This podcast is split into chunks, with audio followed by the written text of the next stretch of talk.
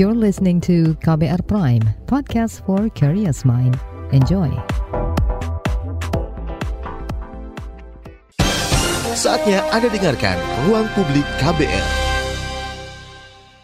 Selamat pagi, kita berjumpa kembali dalam Ruang Publik KBR. Pagi hari ini temanya adalah bila cukai diterapkan seperti apa pengaruhnya pada konsumsi minuman berpemanis. Saudara, angka diabetes di Indonesia diperkirakan akan terus naik. International Diabetes Federation IDF memperkirakan jumlah penderita diabetes bisa mencapai 28 juta pada 2045. Jumlah ini hampir dua kali lipat dibandingkan kasus pada 2021. Dan salah satu penyumbang kenaikan kasus diabetes ini adalah konsumsi minuman berpemanis berlebihan. Karena itu, penerapan cukai pada minuman berpemanis perlu segera diterapkan. Center for Indonesia Strategic Development Initiative CISDI melakukan riset mengenai pengaruh kenaikan cukai minuman berpemanis dalam kemasan atau MBDK terhadap tingkat konsumsi masyarakat. Lalu seperti apa hasil risetnya? Pagi ini di ruang publik KBR akan kita bahas bersama dengan Profesor Agus Widarjono, peneliti dari CISDI, kemudian juga Dr. Niketut Aryastami, anggota bidang ilmiah Persatuan Ahli Gizi Indonesia Persagi, dan juga Gita Kusnari dari Project Lead Food dari CISDI. Selamat pagi Ibu Gita, Profesor Agus dan juga Dr. Tami. Selamat pagi. Selamat pagi. Baik. Selamat pagi. Baik, nah ini sebelumnya uh, kita ke Pak Agus dulu ya. Pak Agus, ini sebelumnya CISD sudah melakukan riset mengenai elastisitas harga permintaan minuman berpemanis dalam kemasan di Indonesia. Mungkin bisa dijelaskan nih Pak, apa saja hasil risetnya? Silakan.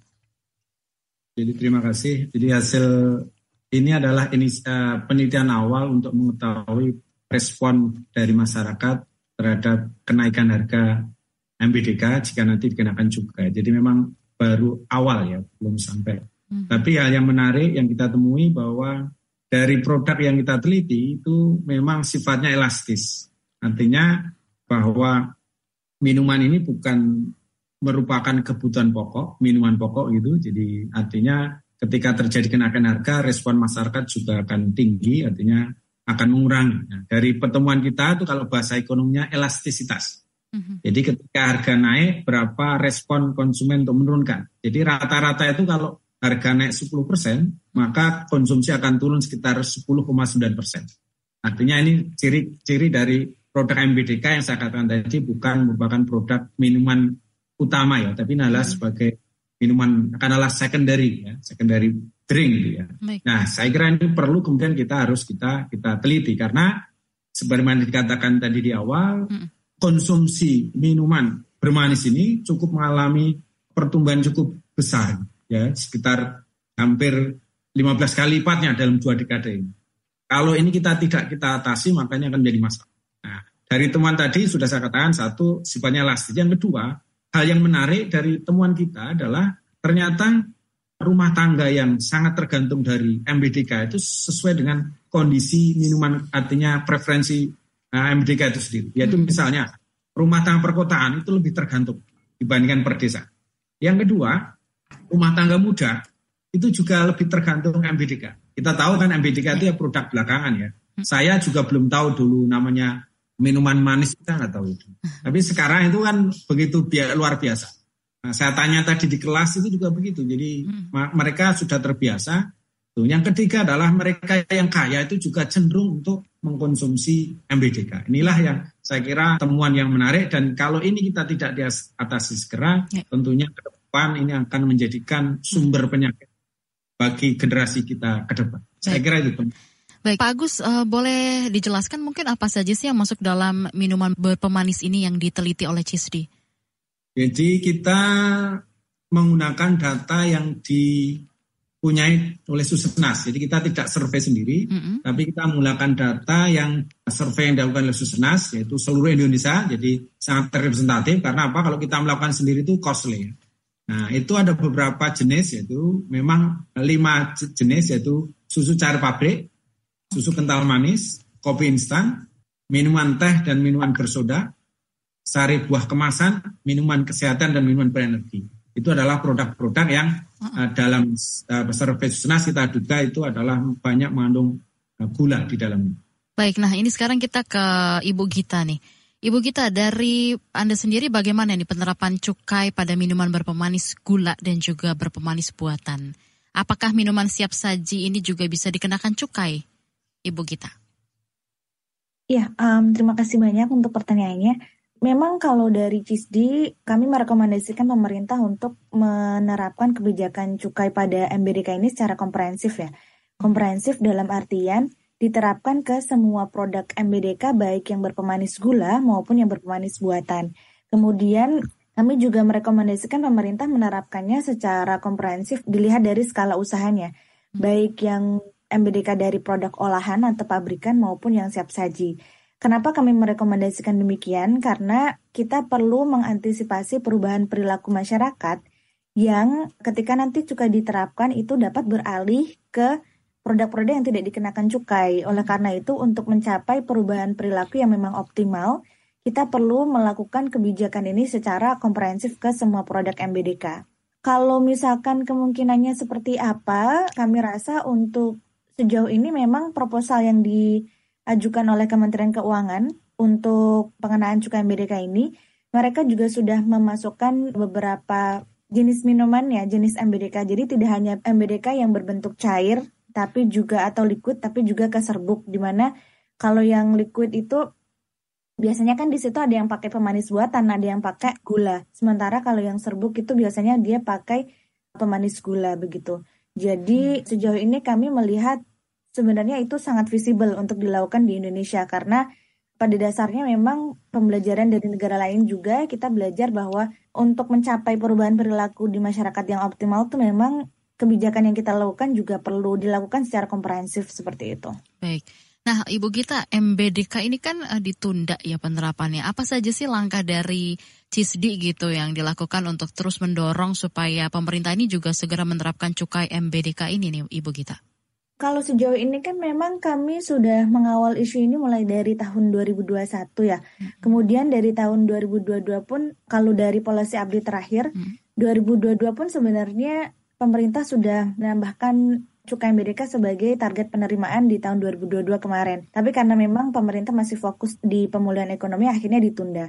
Lalu di akhir tahun 2022 ini pemerintah pun juga sudah mengeluarkan mm-hmm. uh, statement yang sama bahwa katanya cukai MBDK akan masuk ke target penerimaan APBN di tahun 2023. Jadi sampai mm-hmm. sekarang ini CISDI masih terus mengawal isu ini dan kami terus memberikan bukti-bukti atau evidence bahwa pengenaan cukai di MBDK itu akan cara efektif berpengaruh ke penurunan permintaan di masyarakat. Salah satunya melalui studi elastisitas yang tadi sudah dijelaskan oleh Pak Agus, di mana harapannya dengan penurunan permintaan itu pada akhirnya juga akan berpengaruh ke penurunan prevalensi obesitas, diabetes, serta PTM yang lain yang sudah seharusnya menjadi concern dari dari kita ya dan hmm. dari pemerintah karena dari tahun ke tahun prevalensinya semakin meningkat di Indonesia. Baik Ibu Gita, nah sekarang kita ke Ibu Tami dari Persatuan Ahli Gizi Indonesia sendiri seperti apa nih tanggapan Anda Ibu Tami mengenai cukai MBDK ini?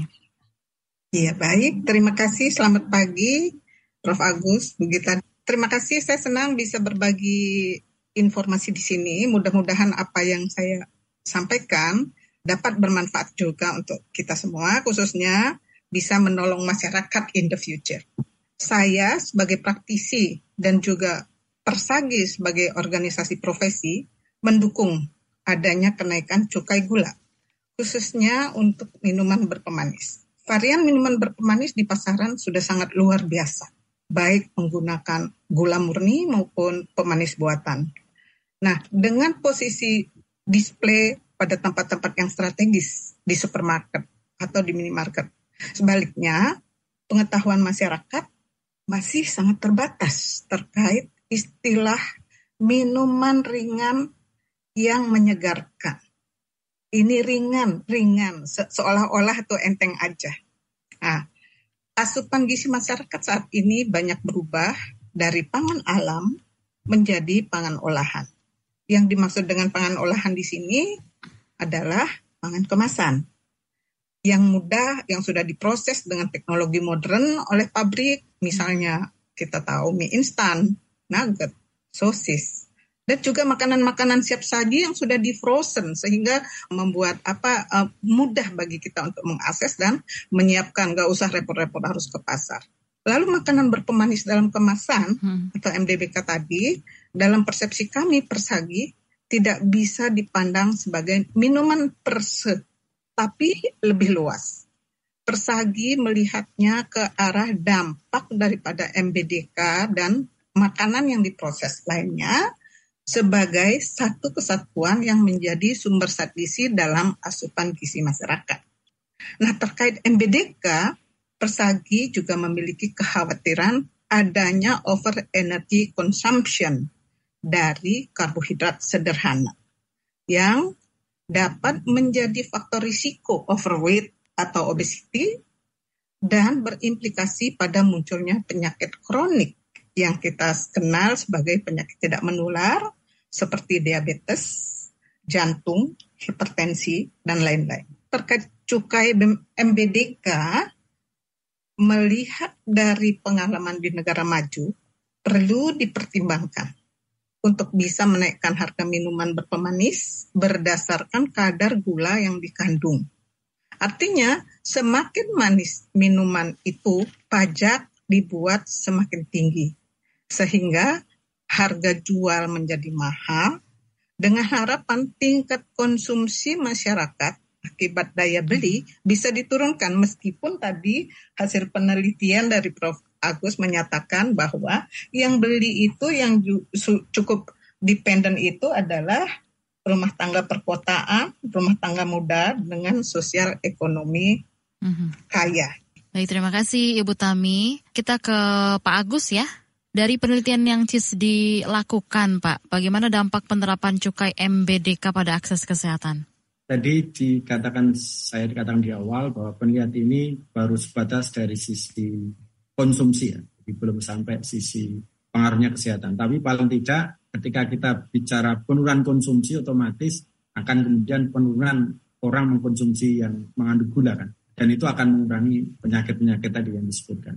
Jadi gini, kalau kita kenakan cukai, jadi menurut WHO itu minimal kalau untuk mengurangi konsumsi 20 persen.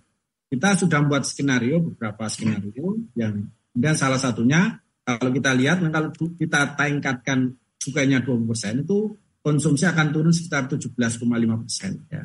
Dan itu cocok dengan penelitian-penelitian artinya didukung oleh penelitian-penelitian yang di negara ASEAN ya. Di ASEAN itu juga begitu. Jadi ketika dikenakan cukai, konsumsi masyarakat akan berkurang. Dan itu tentunya akan mempengaruhi pola konsumsi MBDK. Sehingga kita duga nanti ke depannya berarti kan kalau mengurangi konsumsi MBDK, nah penyakit-penyakit ditimbulkan kan akan berkurang. Oke. Nah, tapi nanti ke depan saya kira KISDI akan dan melakukan penelitian ya. ya. Eh, bagaimana dampak ini kepada penurunan misalnya obesitas itu atau mungkin uh, penyakit penyakit yang lainnya gitu, yang ditimbulkan karena minuman bermanis tadi. Kemudian kalau kita lihat, jadi sebenarnya ini nanti tidak hanya sekedar itu sebenarnya. Kalau memang apa menjadi kesadaran bersama, kalau kemudian itu menurunkan, biasanya kan ditanya, mm-hmm. di mana Pak Industri? Gitu. Saya kira begini, nanti itu kan akan kemudian mengubah mindset masyarakat kita, baik uh, konsumen, produsen ya, bahwa ketika itu akan menjadi kesadaran bersama itu menimbulkan penyakit yang mungkin tidak akan terjadi dalam waktu dekat, jangka panjang, tapi saya kira nanti dengan kenaikan juga nanti satu akan memberi kesadaran masyarakat, kemudian juga memberi kesadaran kepada mm-hmm. produsen supaya kemudian terjadi perubahan pola produksi. Ya, jadi misalnya kalau di negara maju itu kan sudah ada. Jadi nanti di situ kemudian kalau di negara maju ini ada pilihan. Mm-hmm. Ya, jadi ada semacam dua versi yaitu low sugar dan misalnya moderate sugar. Nah itu bagian dari dampak yang tidak langsung yang itu mungkin orang uh, produsen kemudian akan mengantisipasi kalau terjadi kenakan apa cukai itu karena itu juga akan tentunya ketika ada pilihan banyak kemudian masyarakat kalau sudah punya kesadaran maka tentunya penyakit penyakit yang ditimbulkan minuman bermanis akan bisa saya kira begitu. Baik, ruang publik KBR dengan tema bila cukai diterapkan, seperti apa pengaruhnya pada konsumsi minuman berpemanis? Akan kembali, tetaplah bersama kami. Masih Anda dengarkan Ruang Publik KBR. Commercial break. Commercial break. Sekarang kamu nggak bakal ketinggalan berita lagi. Lewat podcast, kamu bisa kembali menyimak apa yang sudah lewat serta obrolan seru di balik sebuah peristiwa. Gak perlu repot download aplikasi lagi. Ketik aja kbrprime.id di browser ponsel pintar kamu dan simak beragam podcast di KBR Prime. Mulai rangkuman berita hingga cerita. KBR Trending, Ruang Publik, Love Bus, Disco, Diskusi Psikologi, Parbada, Ngulas Film, Lika-Liku Mancanegara, Cek Fakta, dan masih banyak lagi. Jadi waktu pas saya mau bunuh diri itu halusinasi saya bilang mati aja buruan sampah katanya mau mati. Teman-teman juga ada pada tahu sih I'm gay. Tapi mereka fine-fine aja sih selama kita baik mereka welcome kok. KBR Prime menemani aktivitas harianmu yang padat dengan beragam informasi dan obrolan seru kapan saja dan di mana saja. Temukan juga podcast KBR Prime di aplikasi podcast lainnya. KBR Prime, cara asik mendengar berita. KBR Prime, podcast for curious mind. Masih Anda dengarkan Ruang Publik KBR. Anda masih menyimak ke ruang publik KBR dengan tema Bila Cukai Diterapkan, seperti apa pengaruhnya pada konsumsi minuman berpemanis. Pagi ini kita masih berbincang dengan Bapak Agus dari Cisdi dan juga Ibu Gita dari Cisdi dan juga Ibu Tami dari Persagi. Baik, kita ke Ibu Gita dulu. Ibu Gita, untuk minuman berpemanis dalam kemasan ini biasanya kan sudah mendapat izin edar ya dari BPOM. Ini gimana nih dengan minuman yang siap saji? Sejauh ini dari kajian yang kami lakukan kemarin memang sempat ada kasus viral juga ya di Twitter tuh sempat kalau misalkan masyarakat mulai aware ternyata minuman-minuman siap saji yang mereka konsumsi itu kandungan gulanya juga banyak banget gitu. Nah dari situ juga yang kami dorong ke pemerintah kan memang sebaiknya cukai ini dikenakan nggak hanya ke produk olahan tapi juga ke produk MBDK yang siap saji. Tapi bagaimana mekanismenya? Nah, kalau kita merujuk ke Permenkes nomor 30 tahun 2013, di situ tuh ada peraturan terkait pencantuman informasi kandungan GGL untuk produk uh, pangan olahan dan pangan saji. Sementara kalau untuk yang produk olahan memang mulai dari izin edar dan juga pencantuman informasi nilai gizi itu ada di BPOM, peraturan BPOM nomor 26 tahun 2021. Jadi kalau dari sini kita lihat ya, Berarti kalau produk olahan dia lebih ke BPOM regulasinya. Tapi kalau untuk produk siap saji sebenarnya monitoring dan regulasi itu ada di Dinkes, ada di Permenkes, mm-hmm. ada di Kementerian Kesehatan. Nah, oleh karena itu kami melihat dari sini sebenarnya pertimbangan untuk menerapkan apakah nanti akan diterapkan ke produk olahan atau siap saji juga itu sudah masuk ke diskusinya pemerintah karena kami terus mengikuti isu ini dan juga melakukan audiensi dengan Kementerian Kesehatan dan Kementerian Keuangan terkait mhm. penerapan cukai MBDK. Jadi, ketika nanti akan diterapkan ke semua produk, baik yang produk olahan maupun yang produk siap saji, memang pemerintah eh, terutama dalam hal ini leading KL-nya ada di Kementerian Keuangan ya, perlu berkoordinasi dengan BPOM dan Dinkes karena kalau kita rujuk ke peraturan yang tadi saya sebutkan, memang untuk produk olahan itu proses apa namanya regulasinya untuk pencantuman informasi nilai gizi dan seterusnya itu ada di BPOM. Tapi kalau untuk siap saji itu ranah regulasinya ada di Kementerian Kesehatan, ada di Dinkes kota setempat gitu. Jadi hmm. memang ketika perlu ketika akan diterapkan secara komprehensif nanti perlu koordinasi antara beberapa KL tadi mulai dari Kementerian Kesehatan, Kementerian Keuangan, dan juga dari BPOM seperti itu. Baik, terima kasih Ibu Gita. Nah dari pengedar atau pengusaha minuman berpemanis sendiri ini seperti apa nih tanggapannya terhadap cukai MBDK nih Ibu Gita? Kalau sejauh ini memang yang kami teliti, yang kami kaji dari CISDI, kami masih sebatas melihat bagaimana nanti respon pemerintah, uh, respon masyarakat ketika cukai Amerika dikenakan begitu. Bagaimana respon permintaannya yang tadi dijelaskan oleh Pak Agus. Ya. Sementara beberapa waktu yang lalu kami melakukan studi kualitatif itu untuk melihat perspektif dari beberapa stakeholders mulai dari pemerintah sampai ke konsumen.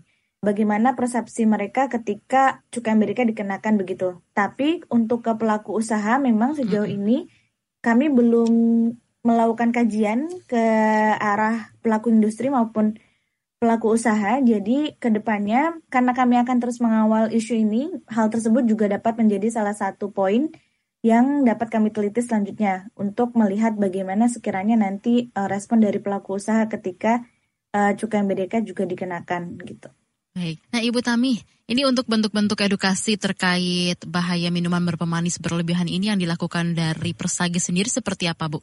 Bentuk edukasi Persagi beserta anggotanya antara lain melalui diseminasi informasi dan pendekatan-pendekatan ke komunitas yang ada di masyarakat. Nah, ada di Persagi sendiri, kami juga punya model promosi yang disebut food pyramid. Okay. Jadi piramida makanan. Dan juga kita menggunakan isi piringku di mana di masing-masing sarana promosi ini memuat seberapa banyak sebaiknya kita mengkonsumsi makanan-makanan tertentu dalam hal ini natural food ya, hmm. makanan beneran bukan makanan proses. Yeah. Jadi bentuk edukasi selain juga saya katakan tadi, kami juga melakukan pendekatan-pendekatan ke komunitas yang ada di masyarakat. Hmm. Pemanfaatan sosial media seperti TikTok, kemudian melakukan cek kesehatan gratis pada event-event yang suka digelar oleh masyarakat, misalnya penimbangan berat badan, sekaligus juga memberikan konsultasi gizi pada kegiatan-kegiatan seperti basar, hmm. dharma wanita atau basar apa saja. Yang yang penting di situ punya booth untuk kesehatan seperti itu. Baik. Persagi juga dapat memberikan konsultasi oleh hmm. para anggotanya ke kantor-kantor hmm. atau perusahaan-perusahaan yang membutuhkan ataupun oleh masyarakat yang membutuhkan dapat berkunjung ke ruang praktek mereka. Penyuluhan dan konsultasi gizi yang dilakukan oleh Persagi tidak sebatas diabetes dan obesitas, tapi juga terkait asupan gizi, diet ya. Diet oleh para ahli gizi itu selalu dihubungkannya dengan status kesehatan seseorang. Hmm. Jadi artinya kalaupun di rumah sakit ada pasien yang eh, menderita penyakit jantung misalnya, maka akan dikonsultasikan ke ahli gizi untuk bisa memberikan asuhan makanan-makanan apa yang baik, tidak baik, dan harus dibatasi dalam asupannya, dalam konsumsinya. Seperti itu kira-kira Mbak. Lalu dalam persagi memberikan edukasi gitu ya di masyarakat, tantangan yang dihadapi selama ini gimana uh, Ibu Tami? Ya, kalau tantangannya hmm. sebenarnya sih ya tidak mudah ya hmm. mengedukasi masyarakat itu. Baik. Kalau masyarakat modern saat ini hmm. sarana sosial media cukup membantu. Nah, permasalahannya bagaimana respon masyarakat? Hmm. Karena masyarakat mungkin akan lebih senang mencari ya. TikTok yang lain seperti itu ya. Baik. Ya, kita akui itu. Hmm. Tapi kami berusaha dan tentunya yang dibutuhkan bila kita ingin ngembangin satu apa namanya metode edukasi dengan media-media sosial itu adalah di antaranya ya menarik. Hmm. Kemasannya bagus. Ya, itu kira-kira tantangannya Mbak. Baik. Saya kembalikan. Terima kasih Bu Tami. Nah, uh, kita ke Pak Agus lagi nih. Pak Agus, tadi kan Pak Agus sempat bilang gitu ya, salah satu kelompok yang banyak mengkonsumsi itu berasal dari keluarga muda dan juga keluarga di perkotaan. Mungkin yang bisa Bapak jelaskan dari temuan ini seperti apa nih Pak? Jadi, terima kasih. Jadi kalau kita lihat tren, tadi saya katakan, mm -hmm. terjadi kenaikan MPDK yang cukup drastis ya ya dari selama dua dekade itu dari lima menjadi 15 kali lipat. Jadi dari 51 juta liter tahun 96 itu menjadi sekitar 405 juta liter itu 2014. Ini datanya masih lama, tapi saya kira data terbaru semakin baik, semakin meningkat karena memang itu menjadi pola hidup ya, pola hidup anak-anak sekarang. Kalau kita tanya pastilah karena sekarang itu pola hidup yang serba cepat itu menjadikan orang yang pengennya minum secara cepat. Mm-hmm. Kan termasuk misalnya minum teh ya ngapain buat teh? Ya langsung aja kita pergi ke ini bisa minum teh tadi. Dan itulah karena memang pola hidup kita. Pola hidup masyarakat sekarang kan gitu. Dan itu adalah pola hidup hmm, anak-anak muda. Dan ini mungkin penelitian saya yang lain itu gini ternyata menarik. Mungkin belum saya sampaikan. Ternyata apa? Pembelian makanan dari online itu ternyata justru menjadikan apa?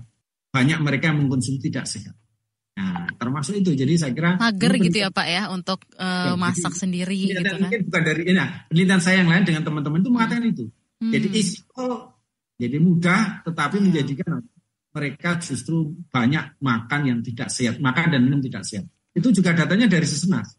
Hmm. Nah, itulah karena itulah sekali lagi pola hidup kita dan oleh karena itu saya bilang di awal kita harus gratasi, tidak mungkin kemudian uh, dibiarkan. Hmm. Edukasi tidak cukup, jadi memang harus ada kalau bahasa kita itu punishment ya, ya. punishment yang salah satunya pakai tadi cukai tadi. Hmm. Terima kasih. Perbincangan kita dengan Ibu Gita, Bapak Agus dari Cisdi dan juga Ibu Tami dari Persagi akan kita lanjutkan setelah jeda. Masih Anda dengarkan Ruang Publik KBR. Anda tengah mendengarkan KBR, radio berjaringan yang berpredikat terverifikasi oleh Dewan Pers. Masih Anda dengarkan Ruang Publik KBR. Ya, kita masih berbincang soal bila cukai diterapkan seperti apa pengaruhnya pada konsumsi minuman berpemanis. Sekarang kita ke Ibu Gita ya. Ibu Gita selain soal elastis harga minuman berpemanis ini, apa aja nih penelitian dari CISDI terkait minuman berpemanis ini? Mungkin bisa dijelaskan Ibu kita, silakan. Ya, terima kasih Mbak Naomi. Kalau sejauh tahun 2002 kemarin memang dalam proses mengawal isu ini, jadi kami sering melakukan audiensi ke Kementerian Kesehatan maupun ke Kementerian Keuangan. Beberapa penelitian yang kami lakukan adalah yang pertama yang saya sebutkan tadi, penelitian kualitatif terkait urgensi implementasi cukai MBDK, di situ kami melihat ada beberapa faktor yang perlu dipertimbangkan oleh pemerintah. Kenapa cukai MBDK ini perlu segera diterapkan, mulai dari faktor dampak kesehatan, sosial ekonomi, sampai ke praktik baik yang dilakukan oleh negara lain, mm -hmm. dan efektivitas cukai itu sendiri. Kemudian penelitian selanjutnya kami melakukan penelitian rapid review. Ini juga hasil dari audiensi kami dengan Kementerian Keuangan dan Kementerian Kesehatan dari Kementerian Keuangan mereka menginginkan CISDI untuk membantu melihat bagaimana praktik baik dari penerapan cukai Amerika di ASEAN. Dan dari penelitian itu kita melihat bahwa beberapa negara, ada empat negara di ASEAN yang sudah mulai menerapkan cukai Amerika. Ada Thailand, Filipina, Malaysia, dan Brunei. Dari situ di Thailand misalnya penerapan cukai Amerika itu berhasil menurunkan bahkan konsumsi masyarakat ke salah satu minuman ke salah satu MBDK minuman bersoda itu sampai 17 persen. Kemudian kami juga melakukan penelitian rapid review itu terkait dampak kesehatan dari ASB atau artificial sweetened beverages. Jadi MBDK yang punya pemanisnya pemanis buatan.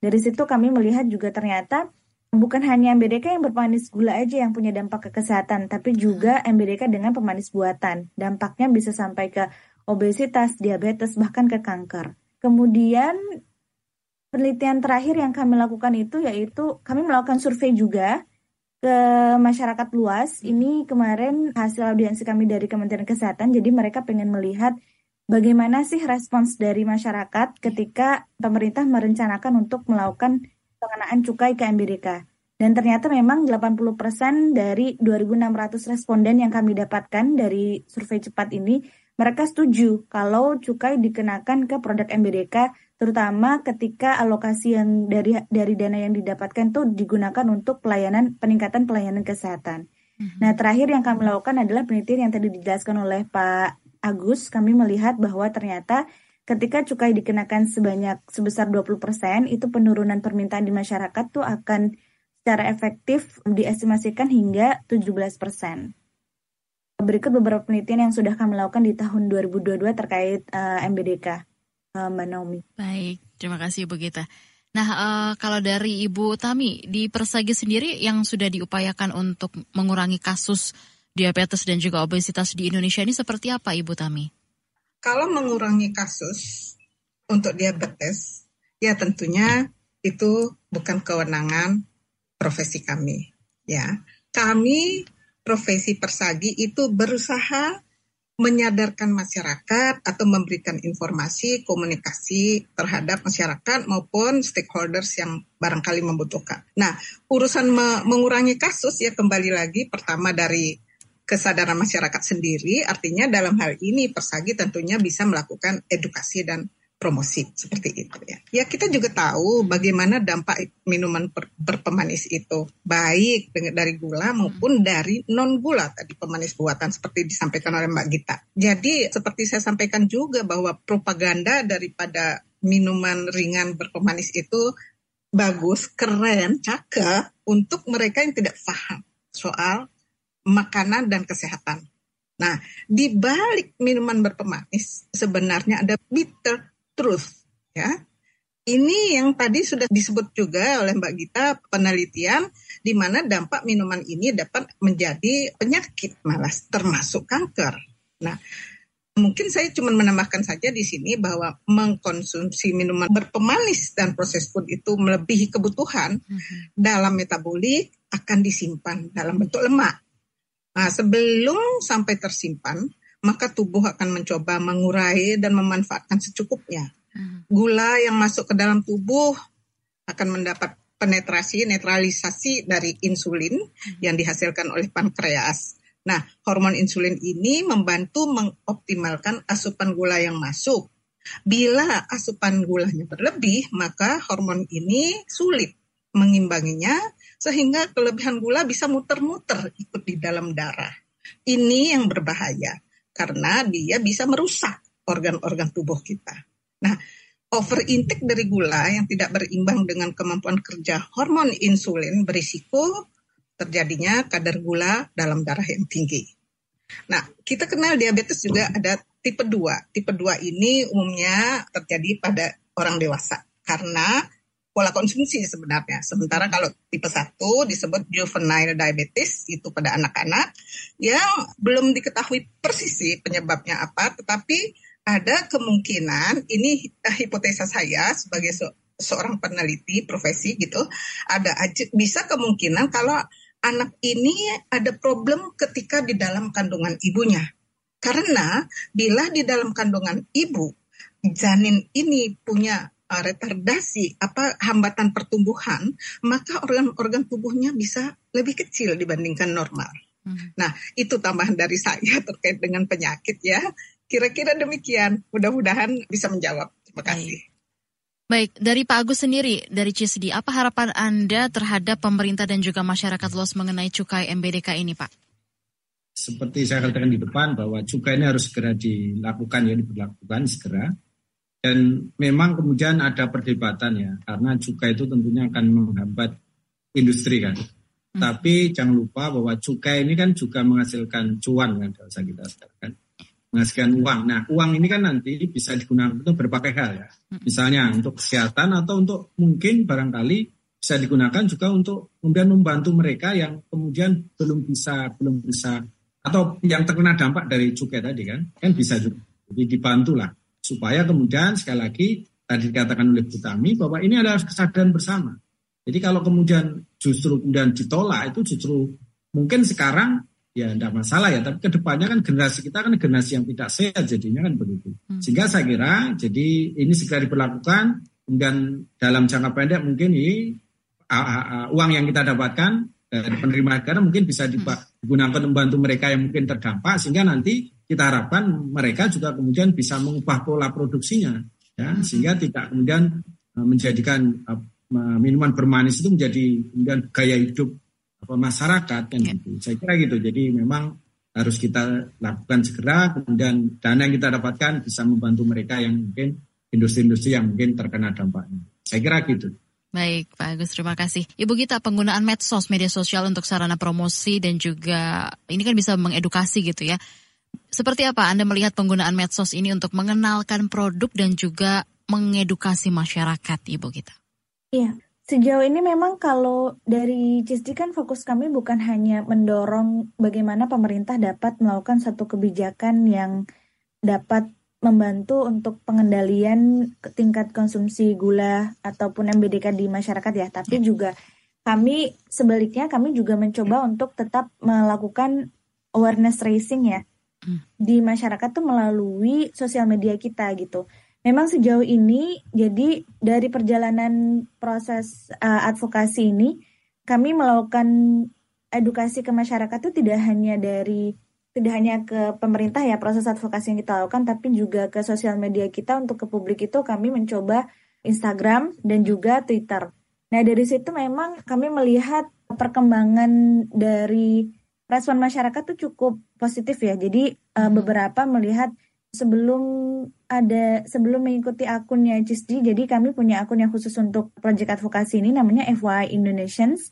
Di situ banyak masyarakat yang berkomentar sebelumnya saya tidak pernah aware sama sekali dengan kandungan gula di di MBDK, tapi sejak uh, mengikuti akun ini saya mulai aware begitu. Karena memang di akun tersebut kami pun juga menyadarkan masyarakat bagaimana tingginya kandungan gula dalam beberapa produk MBDK begitu. Hmm. Jadi kami memang berusaha mengemas pesan-pesan mengenai dampak kesehatan dari MBDK itu melalui konten-konten media sosial kami dan dari situ kami melihat memang untuk masyarakat modern saat ini ya hmm. edukasi yang kita lakukan ke masyarakat itu juga perlu kita sesuaikan dengan tren yang sedang sedang hype saat ini gitu. Hmm. Jadi kami juga sudah mulai melakukan edukasi itu dari sosial media dan memang apa namanya respon dari masyarakat tuh cukup positif karena hmm. mereka melihat edukasi konten-konten yang kami guna yang kami berikan ke yang kami post di sosial media kami itu cukup bermanfaat bagi mereka begitu. Setelah jeda, Ruang Publik KBR akan kembali.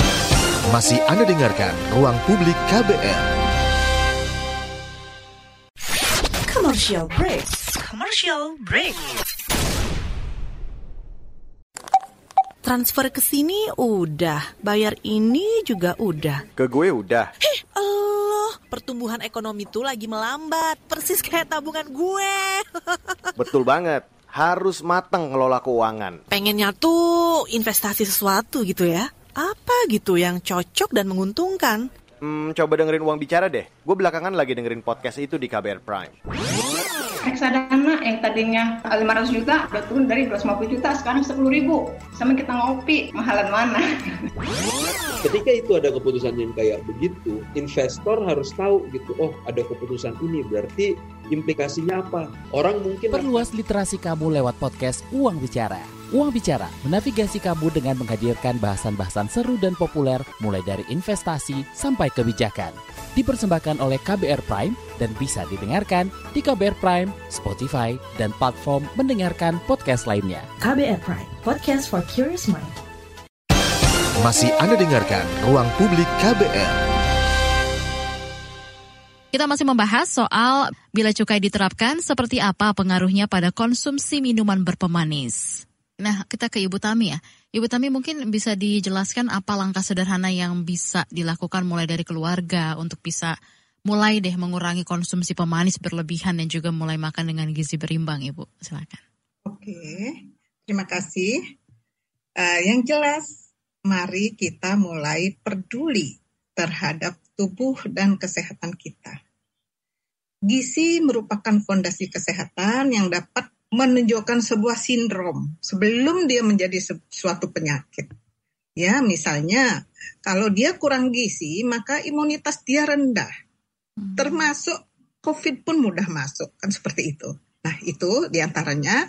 Jadi sebelum kita menjadi sakit, mari kita biasakan uh, berpikir kalau makan itu memilih makan. Nah, yang penting adalah utamakan makanan segar. Ini kita hmm. selalu sampaikan ya daripada makanan kemasan atau proses food. Apa pun itu makanan kemasan tentu menggunakan zat-zat tambahan yang disebut food additive sebagai penguat baik untuk rasanya, baik untuk tampilannya dan juga untuk awetnya. Mm-hmm. Nah, terkait ini Badan POM sendiri punya sudah aturan-aturannya boleh digunakan sampai ambang batas sekian. Lah permasalahannya kalau masyarakat tidak paham soal ambang batas, soal food aditif, dia sudah makan, contohnya aja yeah. mie instan, mm -mm. dia pikir enak, murah, mudah menyiapkannya, terus aja. Mm. Saya tidak mau menyebut mie instan yang mana, tetapi saya punya tetangga mm. itu sampai akhirnya kena gagal ginjal. Ternyata setelah kami gali, meninggal dia. Mahasiswa, itu semester 2 setelah kami gali, memang dia datang ke ruang ke klinik itu dengan moon face. Hmm. Moon face itu artinya wajahnya sudah bengkak gitu. Sehingga dicek ukuran darahnya ternyata diastolnya tinggi. Artinya ada masalah di ginjal. Ternyata masuk rumah sakit akhirnya gagal ginjal empat hari meninggal. Ketika kami me me menggali kenapa eh, apa yang biasa dimakan. Ternyata itu memang mie instan setiap hari setiap kali makan ya kita nggak juga bisa menyalahkan ya hmm. karena bagaimanapun juga pabrik yang memproduksi kan akhirnya kembali ke kita ke diri masing-masing ya. ya Ibu Tami ya. Iya, kembali ke kita dan juga tentunya kita punya juga peer-peer bagaimana hmm. kita bisa mengeducate mereka. Termasuk uh, mungkin saya bisa uh, tambahkan misalnya di dalam acara arisan hmm. gitu ya atau reunian. Hmm. Yuk reuni bawa makanan sehat atau gue yang nyiapin deh pokoknya lu tinggal datang badan siapin aja sayur buah seperti itu. Hmm. Walaupun dibilang ah lo miskin lu nggak ada keju bla bla nggak ada minuman ringan it's okay no problem. Tujuannya hmm. adalah sehat. Kira-kira itu pendapat saya. Terima kasih. Baik, thank you Ibu Tami. Mungkin dari Pak Agus ada yang mau ditambahkan dan juga Ibu Gita. Jadi saya kira untuk tadi belum secara detail ya, ya. bahwa cukai MBDK tetap harus dilakukan. Memang WHO men mensyaratkan 20 persen tapi menurut saya itu kurang efektif. Yang efektif adalah ketika kita menaikkan cukai berdasar kandungan gula. Ya, kandungan gula yang ada di minuman itu itu lebih efektif. Hmm. Karena apa? Ya. Kalau 20% maka ya tidak masalah kandungan kecil atau kandungan besar kan sama Yes. Dan ini yang sudah saya. di ya, sudah dicanangkan oleh Departemen Keuangan ya. Hmm. Pemerintah sudah mencanangkan dan itu saya kira yang terbaik untuk mengurangi konsumsi minuman bermanis gula. Saya kira itu. Jadi cukai yang perlu adalah yang berdasarkan kandungan gula. Saya kira gitu tambahan. Thank you. Mungkin Ibu, Ibu Gita ada yang mau ditambahin? Ya, kalau dari saya melihat sampai sekarang tuh prevalensi obesitas dan PTM di Indonesia tuh semakin meningkat. Bahkan kita ketahui bahwa da, bahwa penyebab kematian tertinggi di Indonesia itu adalah 7 di antaranya 7 dari 10 penyebab kematian tertinggi di Indonesia itu adalah PTM. Dan ternyata diabetes tuh menempati posisi ketiga. Sementara satu dekade sebelumnya tuh diabetes masih menempati posisi keenam. Dari peningkatan drastis prevalensi obesitas dan PTM di Indonesia ini, kami sarankan pemerintah untuk tetap memprioritaskan pengenaan cukai pada produk MBDK di tahun 2023. Karena jika tidak, maka dampak katastrofik yang akan kita dapatkan itu akan semakin lebih buruk lagi ketika ketika kita terus melakukan penundaan untuk pengenaan cukai pada produk MBDK. Jadi kami mendorong pemerintah untuk memprioritaskan pengenaan cukai MBDK ini dengan aktualisasi dari rencana pemerintah ke tahap regulasi yang lebih teknis melalui apa saja produk yang perlu dikenakan, berapa tarifnya dan seterusnya dan pengimplementasi pengimplementasiannya bisa dilakukan di tahun 2023.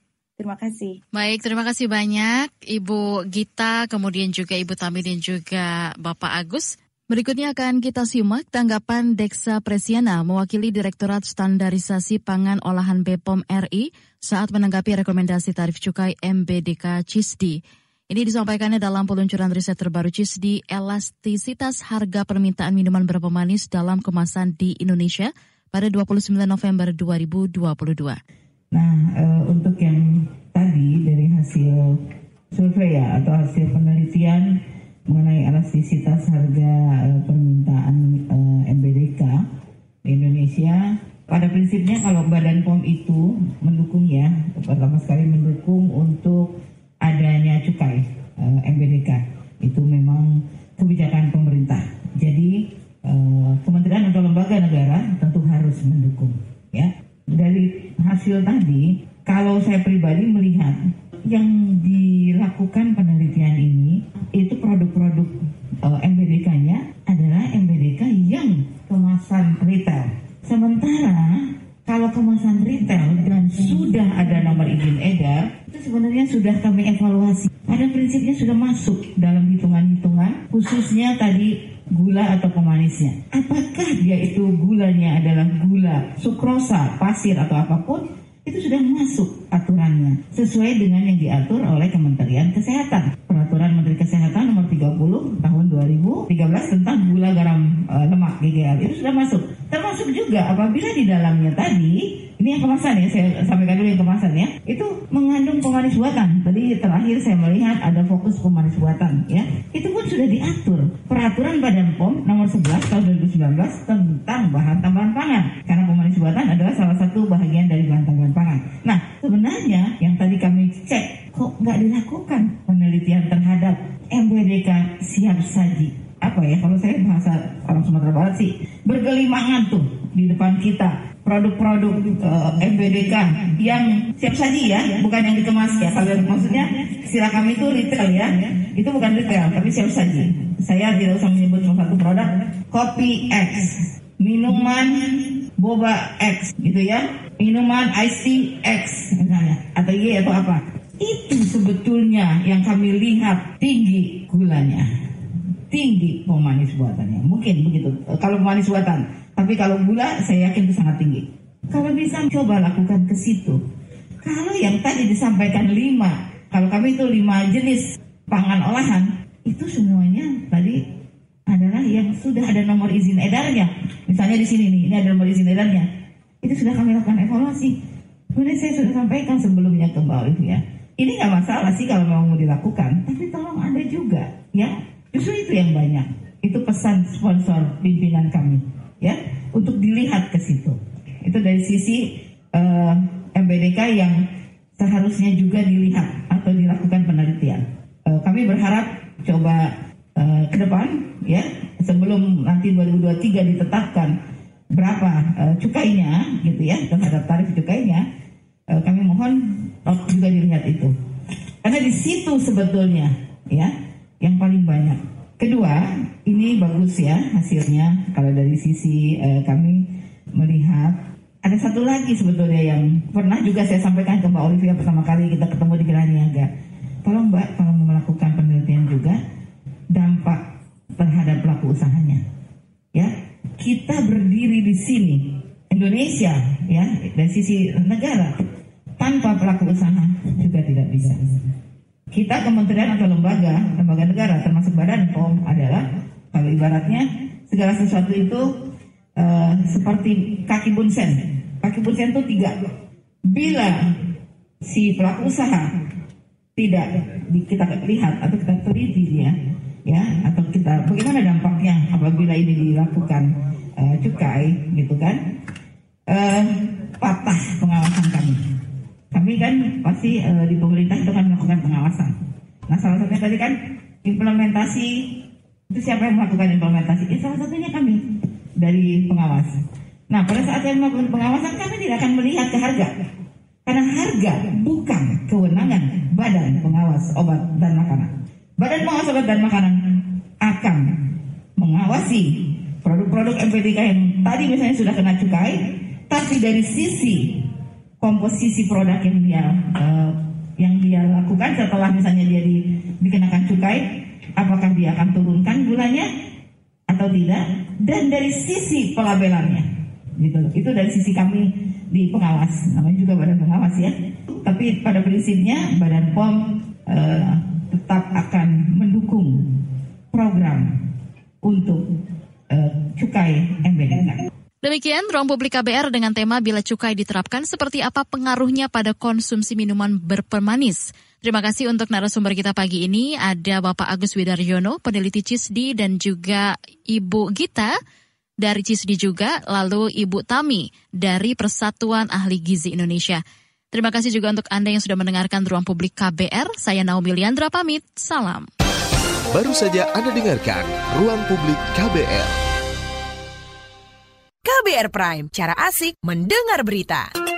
KBR Prime, podcast for curious mind.